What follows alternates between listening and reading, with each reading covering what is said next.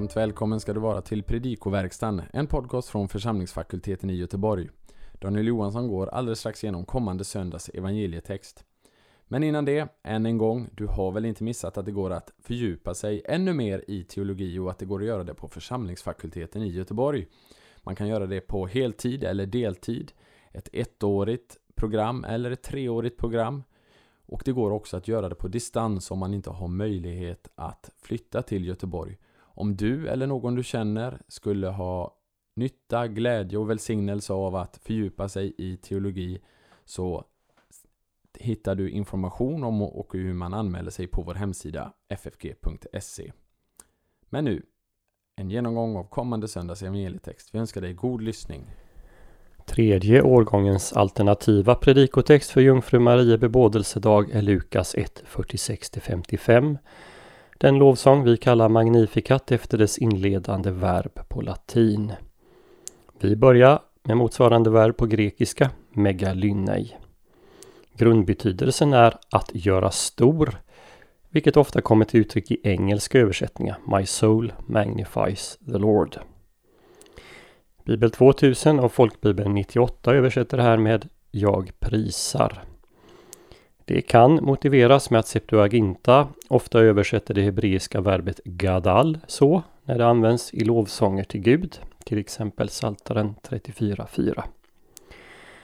Notera dock att engelskan även i Saltaren översätter med Magnify. Och i mitt tycke så gör Folkbibeln 2015 det här bättre för man översätter med upphöjer. Den sedvanliga svenska översättningen gör att man till exempel inte märker att samma verb megalino förekommer i 1.58, alltså strax efter eh, den här texten, där det står att Herren har gjort stor barmhärtighet med Elisabet. Notera också i den inledande versen att he psychemo, min själ, är synekdoke för jag, alltså en del som refererar till helheten. Ett liknande problem som i 46 eh, möter vi i vers 47, nämligen hur mycket en eventuell hebreisk bakgrund ska prägla översättningen.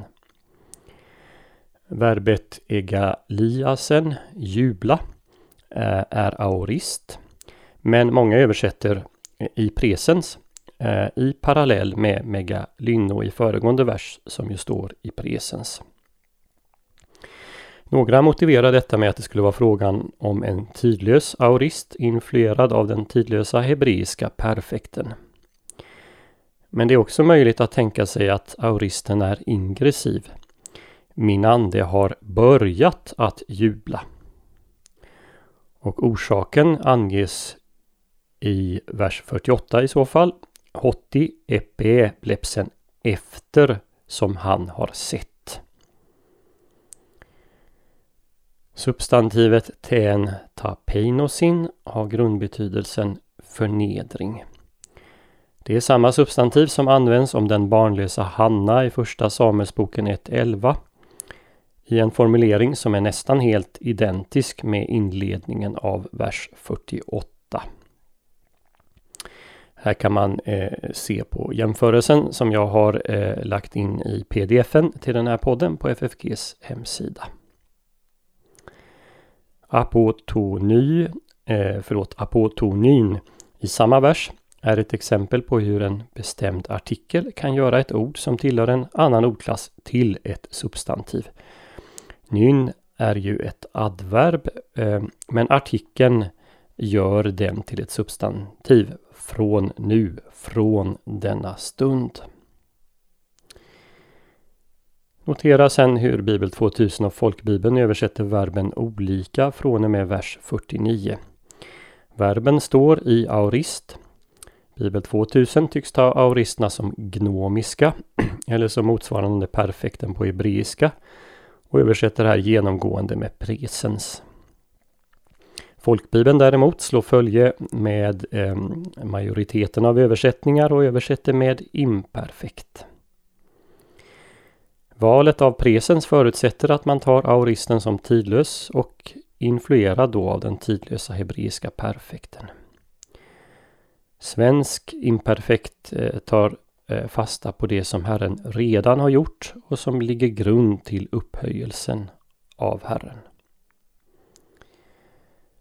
Adjektivet megaleia i neutrum avser stora ting. Och i nästa sats, kai hagion to onoma auto, är verbet vara underförstått. Eh, och på samma sätt är det i nästa vers, där saknas också den så kallade kopulan. I vers 50 eh, kan uttrycket eis genias kai genias vara temporalt, från släkte till släkte. Eller det kan uttrycka mål. Hans barmhärtighet sträcker sig till varje generation. Vi går till vers 51. Hyper eh, Efanos dianoia cardias auton betyder ordagrant de arroganta eller de stolta med avseende på deras hjärtas sinne. I vers 53 tar verbet eneplesen sitt objekt i genitiv, därav agathon i genitiv pluralis. I vers 54 är infinitiven mnesthenai antingen exegetisk. Han tog sig an Israel, det vill säga han visade barmhärtighet. Eller kausal. Han tog sig an Israel eftersom han kom ihåg barmhärtighet. Båda är möjliga. I vers 55 är kathos elalesen prostos pateras hemon parentetisk.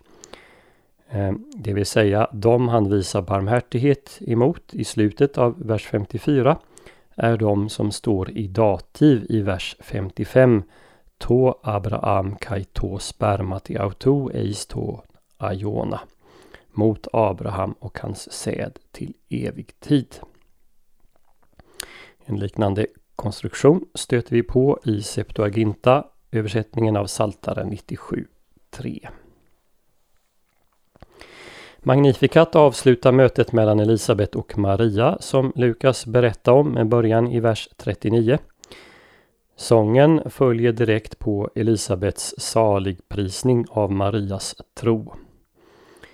Direkt efter hymnen följer en kort notis om att Maria stannade hos henne, det vill säga Elisabet, i tre månader. Med tanke på att Elisabet var i sjätte månaden innan Maria begav sig upp till henne får vi anta att Maria stannade hos Elisabet tills hon hade fött Johannes. Som det ju sedan berättas om i fortsättningen i Lukas. Till både uppbyggnad och innehåll är Magnificat gammaltestamentligt i sin karaktär. Lovsånger till Gud för hans ingripande sjungs av Mose, av Miriam, Andra Mosebok 15, Debora, Domarboken 5, Asap, Första krönikeboken 16, Judit, eh, kapitel 16 i Apokryferna. Eh, men den närmaste parallellen den finner vi i Hannas lovsång i Första Samuelsboken kapitel 2, verserna 1 till 10.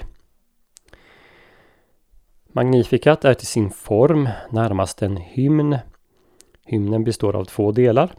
Först en uppmaning att prisa Herren eh, antingen församlingen i GT eller alla folk. Och sen brukar den följas av en motivering till lovprisningen. Den mest koncentrerade av alla dessa i Saltaren det är psalm 117. Som ju bara är två verser lång.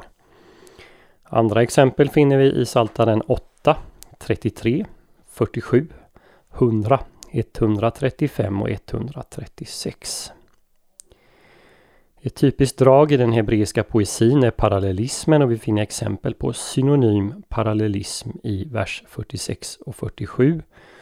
Min själ upphöjer Herren och min ande jublar över Gud, min frälsare. Vi stöter också på en antitetisk parallellism i till exempel vers 52.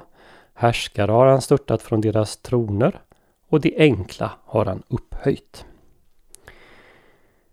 En fullständig listning av de här parallellerna det finns i pdfen till podden. Den tredje saken vi kan notera här det är vilken funktion verben fyller. Huvudverben står genomgående som första eller andra ord i de här satserna. De är genomgående i aorist och det är Gud som är subjektet. Gud beskrivs som den agerande guden, den som verkar i historien. Tematiskt kan Magnificat delas in i två delar. Verserna 46 49 beskriver Guds mäktiga gärningar med sångerskan. Vers 50 55 beskriver Guds mäktiga gärningar för Israel. Granskar vi detaljerna i Magnificat finner vi att snart sagt vartenda ord är hämtat från Gamla Testamentet. Citat av ord eller fraser eller anspelningar. Orden som flödar ut kommer från en person som gjort Gamla Testamentets hymner till en del av sitt eget böneliv. Som sådan är Magnificat inte unik. Man kan notera att alla motiven finns väl representerade i till exempel Salomos salmer som var en, en judisk eh, hymnbok som tillkom vid den, vid den här tiden ungefär. Men hymnen står inte bara nära Gamla Testamentet och andra judiska texter. Det finns också mycket starka kopplingar till resten av kapitel 1 av Lukas evangelium. Och eh, de här parallellerna är också uppräknade i pdfen så ta gärna en titt på den. Avslutningsvis så ska vi understryka några teman i Magnificat. Eh, för det första så handlar den om Guds mäktiga gärningar i nuet och historien. Han har gjort mäktiga gärningar med både Elisabet och Maria. Elisabet väntar den som enligt Jesus senare beskrivningar är den största i det gamla förbundet, alltså Johannes. Maria väntar den frälsare som Elisabet kallar för sin herre. Dessa mäktiga gärningar är klimax i en historia där Herren om och om igen har gjort mäktiga gärningar med sin arm för sitt folk. Den andra saken det är att precis som i Benediktus som vi möter senare i kapitel 1 är Guds barmhärtighet ett centralt tema i Magnificat. Barmhärtigheten vara från släkte till släkte. Han visar barmhärtighet mot Abraham, vilket är en anspelning på att han fick Isak vid hög ålder och genom ett under, och hans barn till evig tid, vilket exemplifieras genom Elisabets barn vid hög ålder och Marias barn som tillkommit utan man. Den tredje sången är mitten av själva Magnificat, verserna 51 till 53. Den beskriver hur Gud vänder upp och ner på föreställningar i den här världen. Den höge förödmjukas, den ödmjuke upphöjs. Det är ju samma tema som återkommer i eh, till exempel saligprisningarna i Lukas 6 och i liknelsen om farisén och publikanen. Det leder oss eh, till ett fjärde tema som handlar om den implicita kritik som finns i Magnificat mot den då regerande kung Herodes och kejsaren i Rom. Om härskare skulle störtas från sina troner stod det eh, först i ledet. Men notera att sången inte på något sätt eh, uppviglar till politiskt motstånd. Nej, de stilla i landet till vilka båda, både Elisabet och Maria hör, de förväntade att Gud själv skulle ingripa. Och det dröjde inte länge eh, efter den här sången till Herodes dog. Men djupast sett agerade Gud genom Marias sons död och uppståndelse. Det djupaste exemplet eh, som finns på det som man på engelska benämner The Great Reversal. Vi hoppas att denna genomgång får bli till hjälp och välsignelse för dig som har lyssnat. På vår hemsida www.ffg.se kan du hitta information om hur du kan stödja fakultetens arbete, som till exempel den här podcasten. Ett sätt att stödja är att skänka en gåva genom Swish. Församlingsfakultetens Swish-nummer är 123 100 84 57. Alltså 123 100 84 57. Mottagaren som anges är Peter Isak Bens utbildningsstiftelse. Märk gärna gåvan FFG Podcast om du vill stötta just denna podden. Så önskar vi allt gott och Guds välsignelse. you